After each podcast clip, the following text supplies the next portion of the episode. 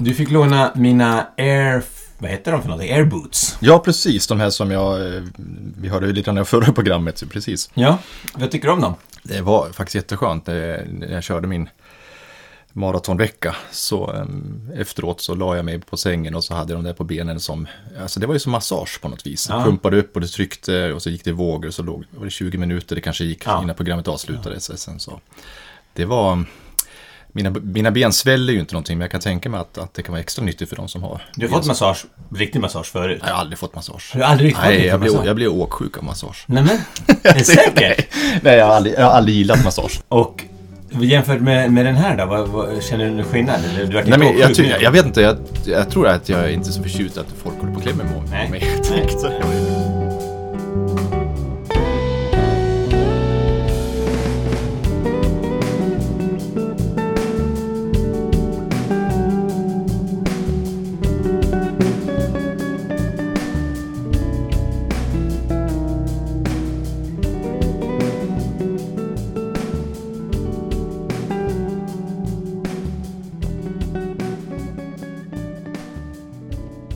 Hej och välkomna till podden Löparens själ med mig Kalman och med Janne Svärdhagen.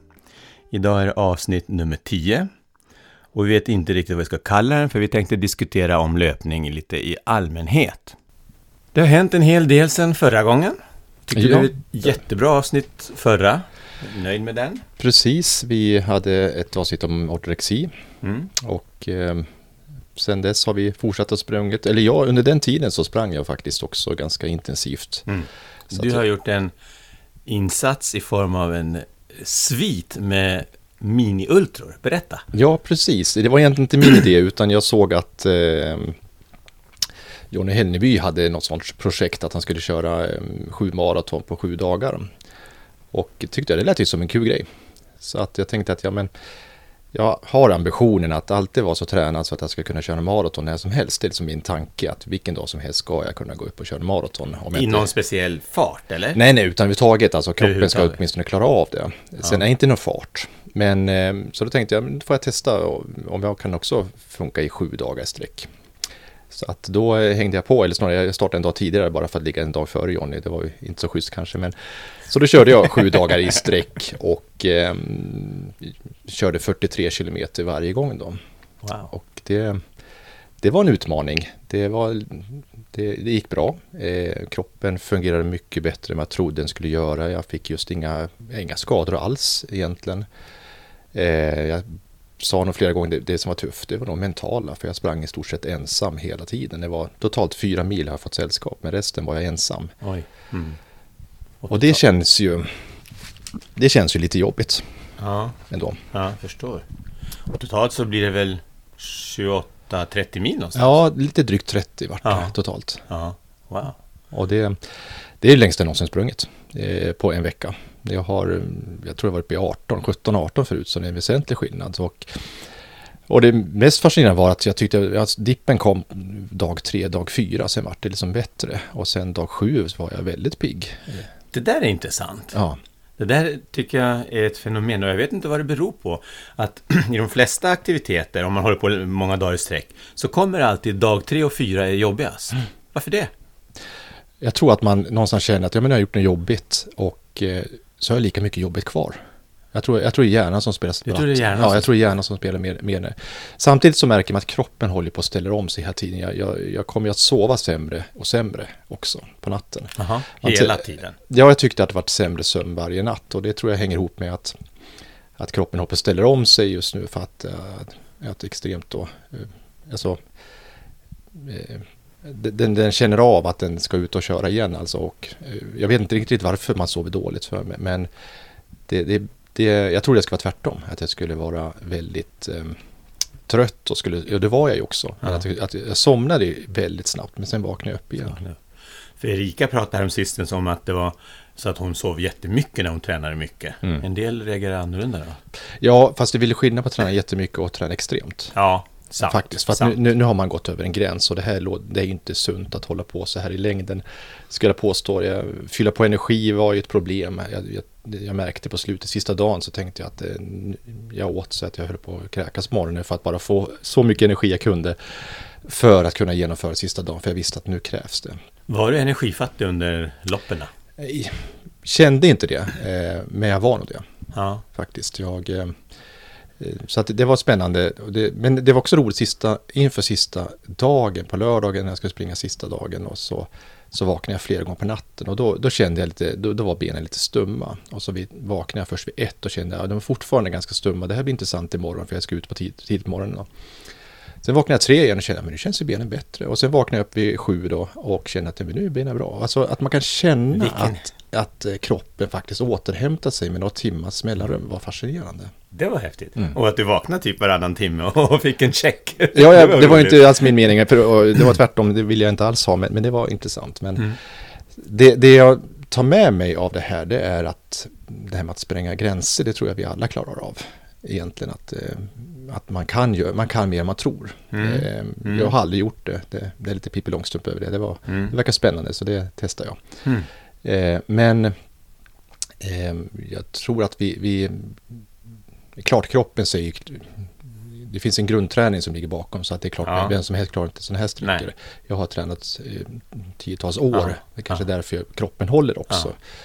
Ja. Eh, jag fick ett skavsår, dumhet min, från min sida, men det fick jag tejpa till och så tog jag andra skor så funkar det också. Så att det gäller bara att vara lite, lite klok. Nu var jag dum först, men klok sen. Men eh, det som jag tyckte var jobbigast, det var det mentala. Ja. Att eh, vara ensam. Jag tycker om att vara ensam, men när det blir så många timmar, alltså när det blir jag sprang en halv timme, 3.45 varje gång ungefär, varje runda. Säg fyra timmar. Säg fyra timmar, dag. precis, mm. sju då. Det är ju nästan 30 timmar. Mm. Eh, i ensamhet förutom mm. fyra timmar då som jag hade sällskap. Eh, där hinner det hända väldigt mycket i, i huvudet och eh, jag sökte flera gånger efter det här varför vi har pratat om. Ja. Varför gör jag det här för? Kom du någon närmare något svar?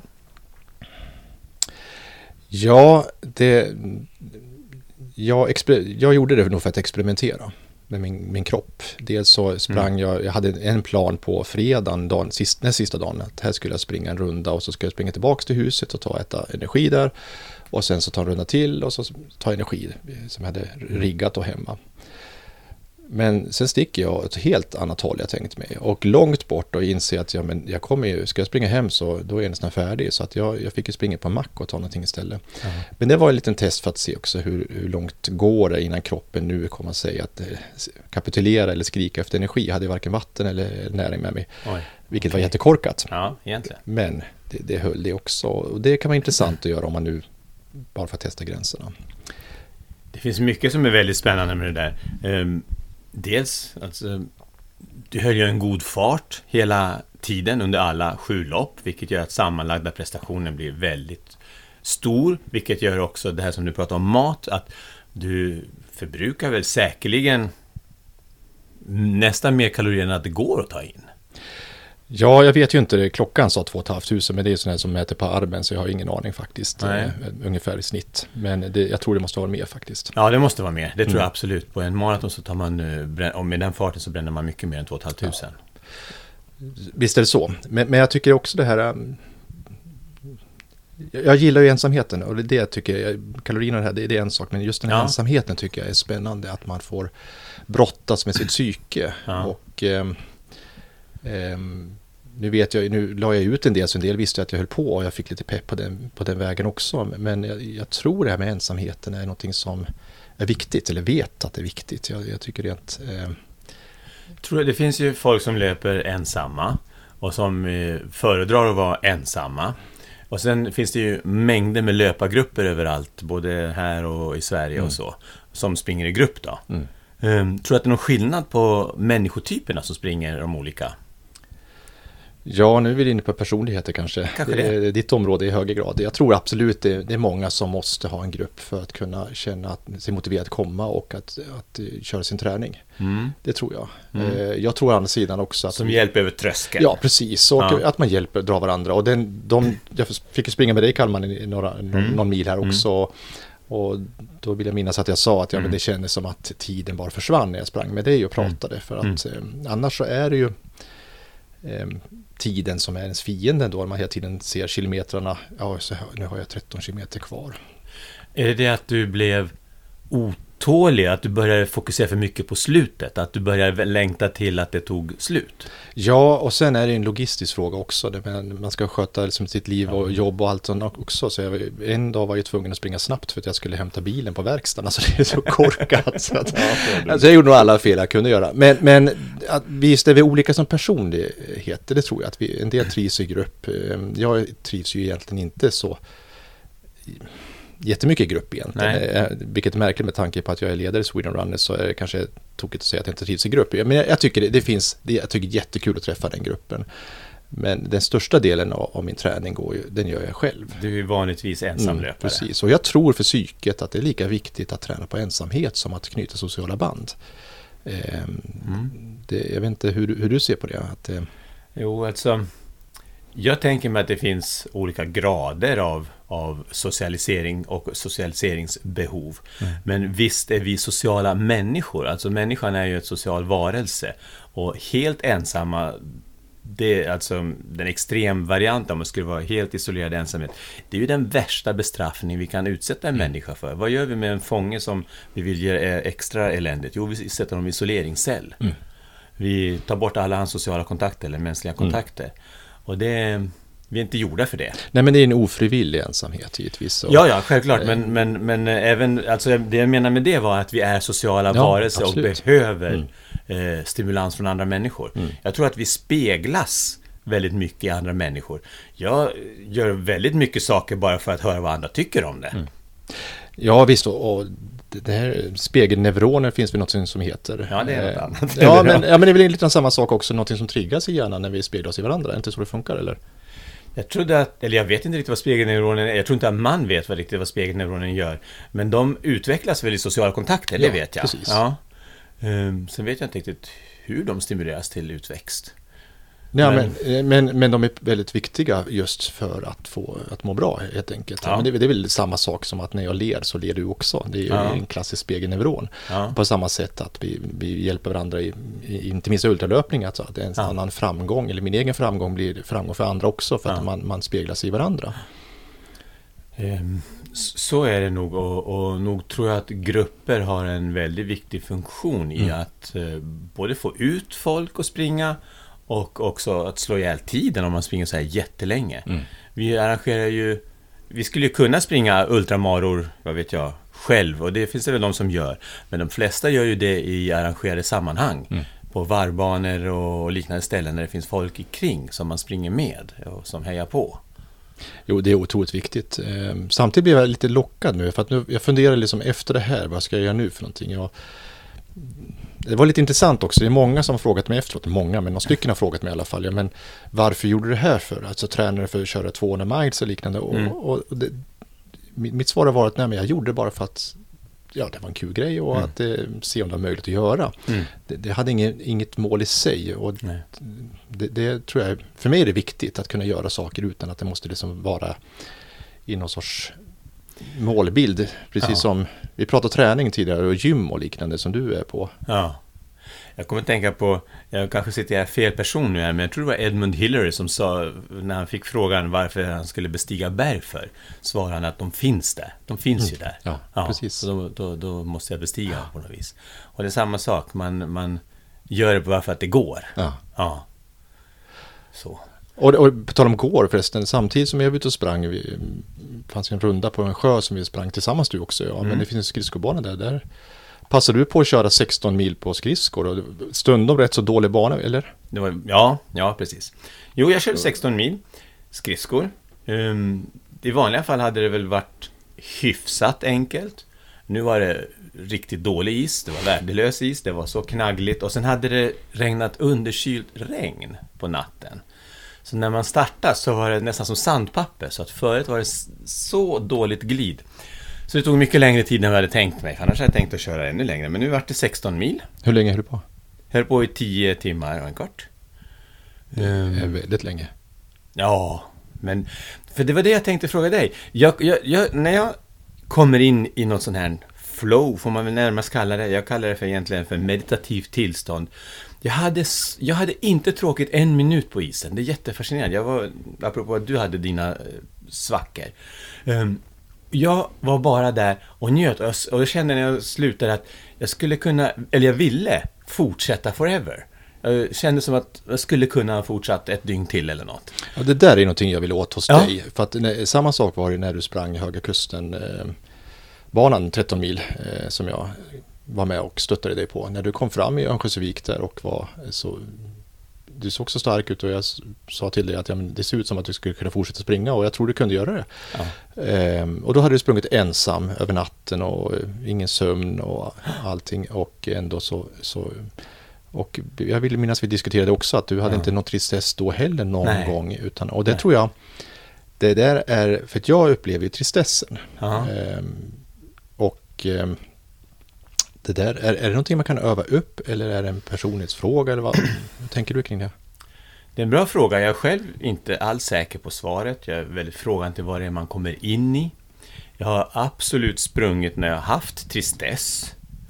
Ehm, men då tror jag, jag tror att det hänger samman med min, för min del, på att jag inte är riktigt klar över målbilden. Ja, nu springer jag här igen. Jag vet inte exakt varför.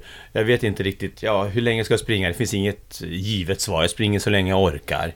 Eh, så, då kan jag ibland känna tristess. Mm. Men när jag har ett högt uppsatt mål i bemärkelsen att jag vet att jag ska hålla på länge. Jag ska hålla på ett dygn. Jag ska köra 100 miles eller något liknande. Och jag vill göra det. Jag, liksom, jag är motiverad. Jag har målbilden klar. Då blir det aldrig riktigt tråkigt för mig. Och jag har inget svar varför det, så jag tror att det är för att jag har en målbild. Mm. Ehm, utan då kan, de bästa gångerna, då kan man och jag komma in i, jag kallar det för meditativt tillstånd. Det är egentligen den bästa eh, beskrivningen. När jag var yngre, jag kanske berättade, så höll jag på lite med meditation. Och mm, jag har ett så starkt minne en gång att jag var helt själv. Jag satte mig i en snö, en iglo som jag hade byggt. Och på en renfäll och hade jättevarmt och mysigt och tror tände och ljus och, och började meditera. Och då var, det var det första jag gjorde när jag gick upp på morgonen, klockan åtta någonstans. Och sen nästa gång jag tittade upp ur meditationen så var det mörkt på kvällen. Och hela dagen hade gått. Och då hade jag hamnat i någon sån här, jag vet inte vad jag ska kalla det, meditativt tillstånd. Så det bara flöt. Tiden fanns inte och, och jag hade inga, mm, vad heter det, ont i baken eller, eller något annat. Utan det bara fanns där, flöt. Och det är lite samma, tror jag, som händer vid långa, långa pass och träning och löpning.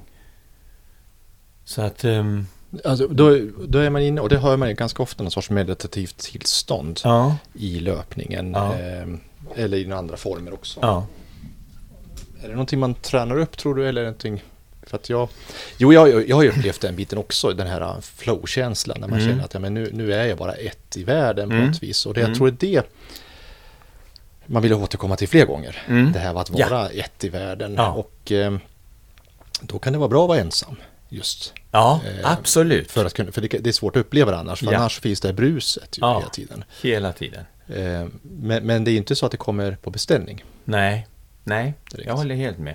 Eh, som en jämförelse kan jag säga, en annan dag när jag åkte skridskor också ganska långt, så åkte jag mitt på dagen och det var jättemycket folk på isen och folk hejade och folk sprang över framför den och störde hela tiden. Det var väldigt oharmoniskt eller, eller upphackat. Det, det fanns inte någon sån känsla där. Eh, bara som en jämförelse att man måste vara ensam för att uppnå det. Och jag tror också det som du säger att eh, det går inte att beställa. Det går inte att, att planera att nu ska jag springa så långt eller inte så långt. Eh, utan har man tur och saker funkar väl så infinner det sig. Och jag är inte, det är kanske din, ditt område mera, vad är transcendens för någonting när man går in i något annat tillstånd? Är det sånt vi håller på och upplever? Vad är det?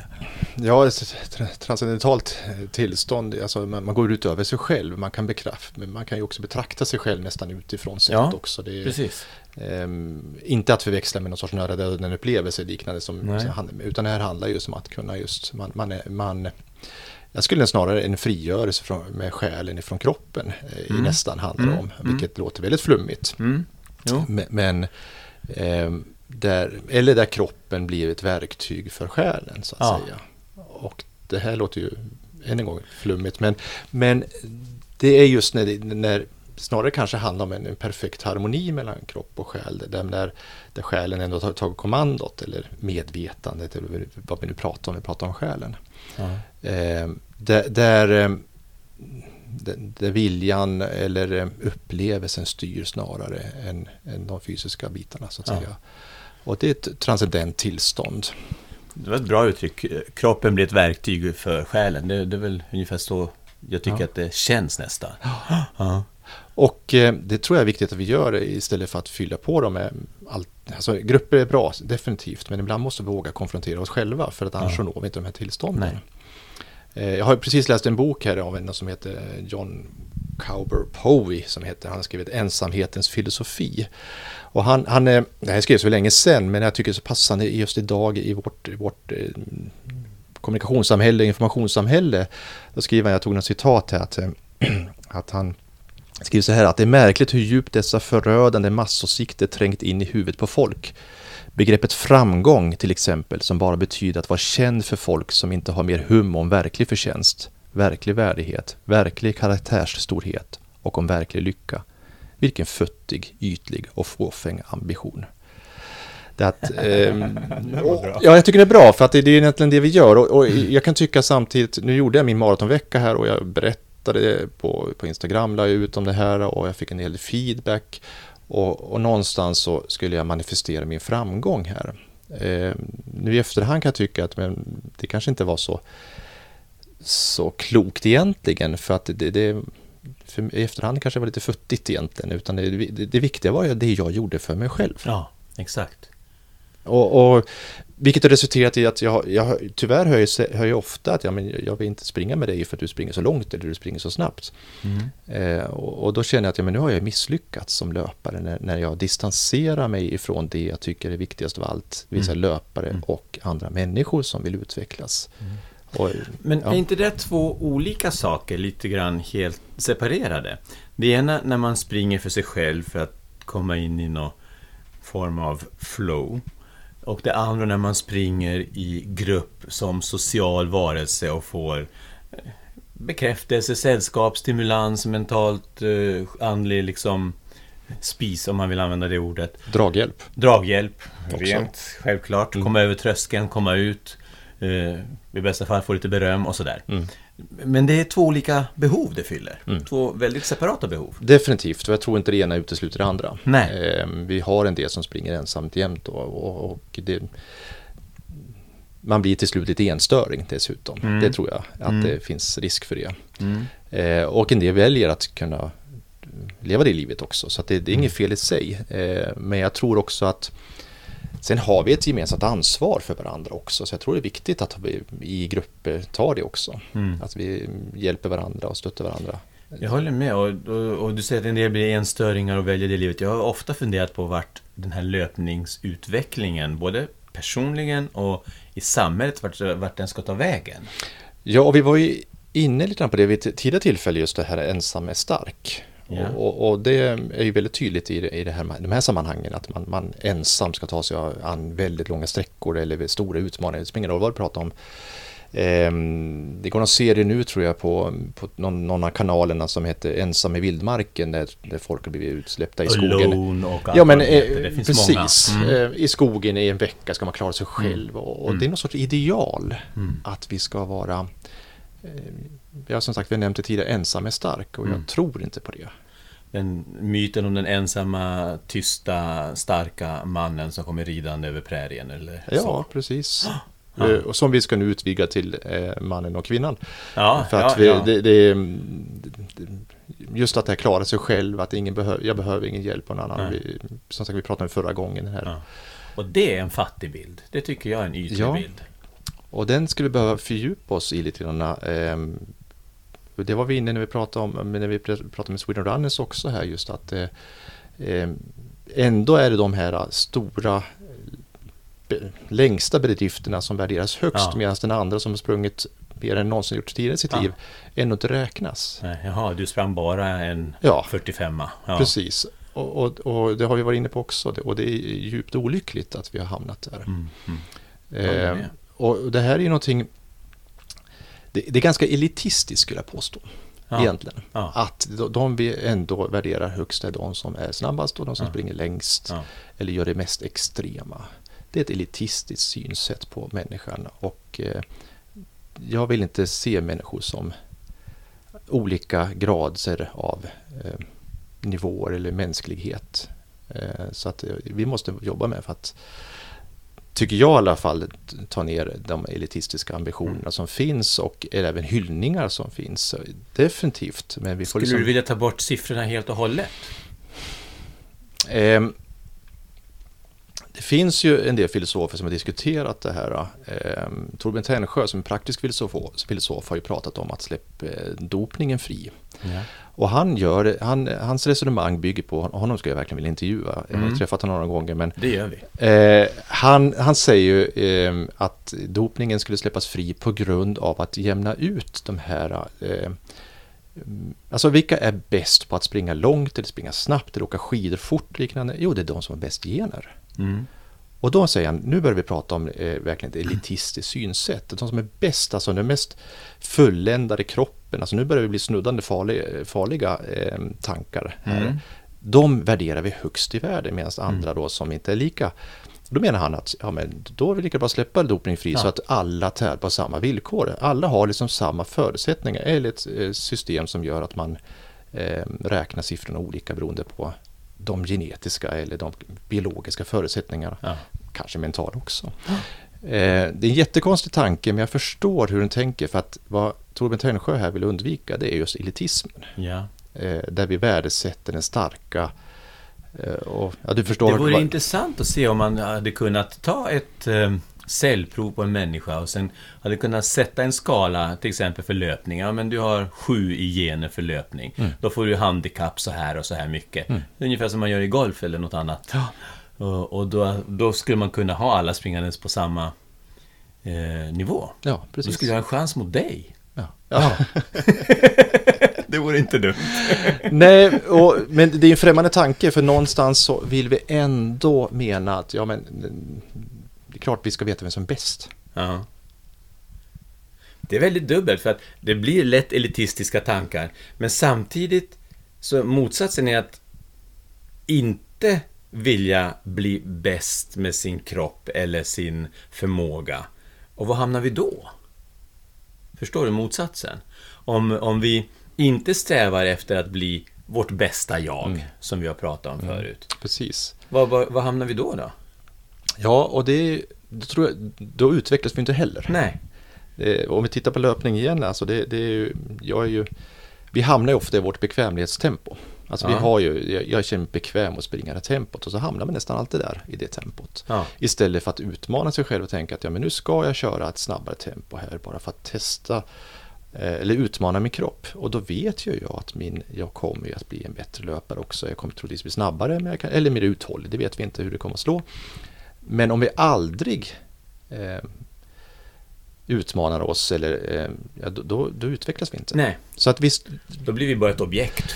Då blir vi ett objekt och eh, jag vill ju gärna att man, man testar. Jag, jag börjar bli gammal men ibland så försöker jag dra på eh, tempo och försöka komma ner i lägre mm. eller snabbare kilometertid så att säga. Mm, mm. Eh, och det gör ont men, men samtidigt så märker jag att ja, men det finns potential. Det här måste jag kanske ta ta tillvara. Mm. Inte för att visa andra utan för min egen skull. Ja, precis. För att bli den, din bästa version. Din bästa ja. version. Det har ja. återkommit till flera gånger. Ja. Vilket är den bästa versionen av mig själv. Och då pratar vi både rent etiskt men även också rent, kan jag tycka, biologiskt och att vi tar hand om oss själva. Psykiskt, och fysiskt och etiskt, moraliskt. Mm, precis. Tänker jag. Så att visst finns det det. Jag är ingen förespråkare att, att släppa dopingen fri. Det är definitivt inte. Det finns så mycket nackdelar med doping, definitivt. Men det, det finns ett intressant resonemang ja, kring det hela. Ja, ja. Eh, som just det här att vi, vi, tenderar, alltså vi människor har en tendens till att tycka att det är de som är starkast, eh, alltså vi ser upp till star, styrka ja, på något vis. Ja, jo, på något vis, absolut. Vi ser upp till dem, till den här starka, ensamma, tysta mannen. Det finns något tilltalande i honom, han uträttar saker. I filmens värld kommer han och räddar städer och byar och, och sådär, och mm. världar. Um, så det finns ju något tilltalande. Det är ju liksom en potens. Mm. Och det är det jag undrar, liksom, den, den har både nackdelar, om man drar den för långt, då blir man elitistisk och det blir en omänsklig värld. Men om man inte tar tillvara på den så blir det en eh, annan ofungerande värld man hamnar i också. Där, där man bara blir objekt för saker och ting. Ja, det, det, här är ju väldigt svåra balans och beroende på vilken filosof man vill luta sig emot så får man också olika. Eh, som sagt, Nietzsche har jag nämnt förut, han pratar om någon sorts Übermensch. Och, det, ja. och det, han menar egentligen inte, han menar just inte någon elitistisk människa, utan han är ju ute efter att vi får liksom inte han pratar om slavmoral, det vill säga att vi, vi, vi, vi blir slavar i samhället. Vi, vi, vi accepterar saker och ting ut, och liksom ger, tar inte strid mot sånt. Orättvisor kan det vara, eller, eller att jag, jantelagen som man pratar mycket om mm. i, i, Sverige och Norden. Eh, han menar ju att, att vi har potential Eh, förtryck inte den utan försök göra någonting det bästa kan. Ja, och det är ja. en gång det den bästa av människan. Men han vänder sig ju väldigt starkt gentemot religionen som han menar att trycka ner människorna och ge dem en, ett straff eller, eller eh, mm. utifrån ett gudsbegrepp. Mm, mm. Men eh, det, det, finns något intressant där just att, att eh, våga utmana sig själv. Mm. Eh, mm. men det är en fin och skör gräns det handlar om som vi nu såg när vi pratade förra veckan. Här med, med ortodoxin ja. också så att man inte går över den heller. Ja, och då kommer vi till den frågan som handlar just om att lära känna dig själv. Ja. Och, och våga eh, jag tycker jag, man följer många forum på, på Facebook inom löpning och det, det är återkommande frågor. Folk vill veta, få svar på alla möjliga frågor som jag, jag tänker att det här kan du aldrig få svar av någon annan utan du måste söka inom dig själv. Mm. Ehm, mm. Det var därför jag gjorde den här maratonveckan, för jag ville få svar på frågor. Eh, hur reagerar jag? Klarar jag? Klarar jag sömnen? Klarar jag mm. energiintaget? Hur kommer kroppen må? Kommer jag få skavsår? Ah. Etc. Det var en självutforskande mm. mental resa. Ehm, du vet säkert att enligt sägnen så fanns det orakler i Delphi. Ja, precis. Ja. Mm. Och över ingången till deras tempel så stod det Gnosis Euton. Känn dig själv. Det var mm. deras mest grundläggande fråga. Eller som de ville förmedla. Mm. Och jag tror det var Alexander som fick det svaret också när han frågade där, Alexander den store. Så, och det återkommer vi både här i den här podden och på andra ställen att jag i alla fall och vi springer just för att lära känna oss själva. Jag springer inte för de fysiska utan för de psykologiska, psykiska vinsterna. Mm. Och det tycker jag är en häftig upplevelse att förstå att det är det man gör. Det är den resan jag är ute på. För förut så trodde jag att jag sprang för att jag skulle kunna bli bättre vandrare, bättre löpare, bättre liksom, friluftsmänniska så. Men egentligen så är det inte det. Så det, det är för att man ska kunna förstå hur man funkar. Precis som du sa nyss mm, om mm. din, den där eh, sviten av mm. mini-ultra. Nej, så nu skulle jag vilja... Ja, jag blev lite taggad, vad ska jag hitta på nu? För att ja. det, det, var, eh, och då kände jag just det med ensamheten, att det här måste jag, det här måste jag arbeta med. Det är tristessen och bitarna. Så nu vart jag sugen på att kanske ge mig ut någon vecka själv. Helt själv? Ja, hel vecka? Problemet där är ju då, då är logistiken igen med att man ska ha påfyllning och sånt. Jag, jag tycker det är jobbigt att hålla på bära på massor med saker. Ja, det är jobbigt. Ja. men, men, eh, det hade varit spännande att få göra den, den eh, den inre resan. Det blir intressant att höra vad du, vad du kommer upp med. Ja, det får vänta tills det blir lite bättre väder. Ja. Det blir lite kallt och tråkigt. Men, ja. men, eh, men, men, problemet som sagt, än en gång, kan jag tycka, det är att det jag känner att jag måste arbeta med nu, det är att jag, jag märker att jag i viss mån kan känna själv, att är lite självutlåtande, att man, man, man distanserar sig från människor som, som tycker att, att ja, men, jag kan inte vara med dig på grund av att du springer på det här viset. Mm.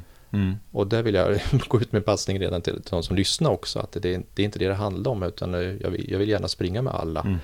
För att jag, och då kommer jag tillbaka till gruppen, för jag vill lära känna de människorna. Mm. Jag vill mm. höra deras tankar och mm. deras livshistorier. För att löpning för mig är ju primärt Primärt är väl kanske den fysiska biten, absolut. Jag tycker jag mår bra av det, vi pratar om det. Men det handlar också om att höra de här livshistorierna. Mm. Som jag mm. tycker är så fantastiska. Att få, få höra dig berätta. Vi har ju haft många långa samtal tillsammans. Man får berätta både inre tankar och, och mm. tokiga projekt. Eh, Mm. och, och det här är ju det som jag tycker är det finaste Mm. vi kan göra när vi öppnar oss för varandra. Mm.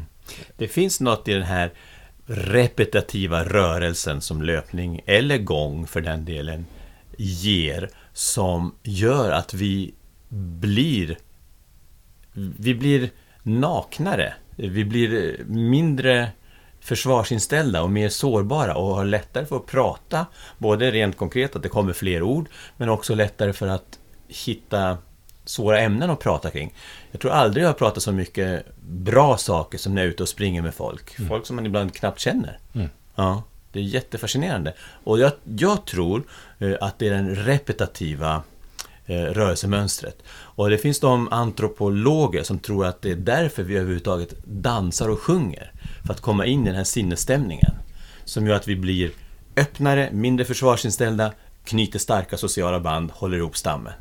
Alla stammar eh, har ju musik och dans. Alla människor genom tiderna har alltid haft musik och dans. Mm. Oavsett kultur. Mm. Eh, så det är en teori om vad den har för funktion. Mm. Och det Och- tror jag Ja, precis. Jag tror att det är sant. bildar stammar när vi löper nu. Ja, ja, just det. Tribes of Fallen. Tribes of Ja, ja nej, men, och just det här också, att vi återkommer till enkelheten. Det är avskalat. Det, Mm. det är inte så komplicerat. Vi behöver inte massor med utrustning. Nej. Eh, vi behöver ett par löparskor, vi behöver lite kläder som inte fryser. Ja. Och, och lite energi kanske. Det, det tror jag också är någonting som vi, vi, vi, har, vi har liksom nått vi har nått en punkt i våra liv tror jag där vi snart börjar inse att endast det som det förenklade livet är det som är det som är åtråvärt. Mm. Inte, eh, för nu har vi allt. Mm. Precis. Eh, vi återkommer till den, vi har vi pratat om det förut också, men nu har vi allt. Och nu kommer nästa fråga. Och nu då? Sen då? Precis. Ja. Och då är det dags att skala av allting istället. Det är därför fler och fler idag söker sig från storstäder till att vilja bo ett annat liv, vill Ja. få mer tid, vara i skogen eller vi- givetvis finns det andra eh, aspekter också men, men jag tror att vi har nått punkten där vi har allt och eh, vi får allt informationen via våra digitala enheter och vi känner att vi orkar inte med snart allt mycket mer utan nu vill vi liksom ha det enkla. Och då är det Mm. dags att skala av och då tror jag löpningen är perfekt. Och Mm. det, det behövs inte mycket mer än just ett sällskap för att kunna ta sig ut. Och vi, vi, vi blir inte störda av... Det finns en nackdel med de här klockorna som nu ger notifikationer från telefonerna för då blir man störd i sin löpning. Mm. Och så, vad händer där för någonting? Och, Mm. eh, min telefon ringde upp, jag hade ju med mig och så märkte jag plötsligt att det hade ringt min dotter 50 gånger. Jag ja. tänkte men vad håller jag på med för någonting? Så att nu kör jag bara med flygplansläge för att just ta telefonen med mig för någonting händer. Men, men det är det här som jag tror att vi, vi är... Vi, vi behöver inte bli en, ensamma heller utan vi behöver det som på engelska heter solitude. Inte, inte, lon, inte loneliness utan solitude. Mm. Mm. Eh, Avskildhet. Och det får vi i de här löpargrupperna också i viss mån. För då är vi i nuet Mm. där bara. Mm. Mm. Det är sant. I, ja. Alltså, jag vet inte om du har tänkt på det, men den största, en av de större, förr i tiden var det häftigt statusmarkerande att ha en stor bil, att ha sommarhus på västkusten eller vad man hade för någonting. Men det är inte det längre. Det, det märker du säkert i samhället runt omkring oss. Det har förändrats. Jag börjar tycka att märka att de som markerar status gör det genom att visa att de har tid. Har du tänkt på Ja, det? ja, precis. Ja. Jo, det har jag läst någonting om också, just att det finns en sån aspekt, att det är tid som är den, den stora aspekten, att man hinner med och, Ja. Och då får man tid, vilket vi får loss mer. Inte alla, definitivt inte alla, det, det är många som kämpar med tiden givetvis. Och, men, men vad gör vi med den då? Ja, just det. Precis, vad ska, Eh, vart ska ta vägen? Det är spännande. Ja, precis. Eh, Ägnar vi oss att sitta hemma och titta på serier eller är det så att vi kanske kan just Ja. möta människor, vilket Ja. vi snart hoppas kunna göra i högre grad. Och jag tror tiden kommer att vara otroligt värdefull Ja. eh, och viktig för, för många av oss. Och, eh, än en gång handlar det i ett socialt sammanhang också. Jag tror att det är där vi ska lägga tiden. Ja, precis. Och löpning är ju ett enkelt sätt att träna, men det har en ganska hög tröskel. Det är väldigt många som tycker att det är jobbigt och gör ont och för besvärligt i början. Mm. Och då tror jag just de här grupperna kan fylla en väldigt, väldigt fin och viktig funktion. Mm. Oavsett vilken löpargrupp man är med i, att man har liksom någon, något som drar ut en. Mm. Den, där har vi en stor funktion Mm. på grupper.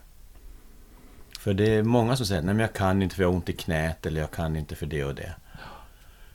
Och sen återkommer jag ofta i tankarna till det du sa alldeles i början här, att det mesta sitter i huvudet, även sådana så kallade hinder är väldigt psykologiskt betingade.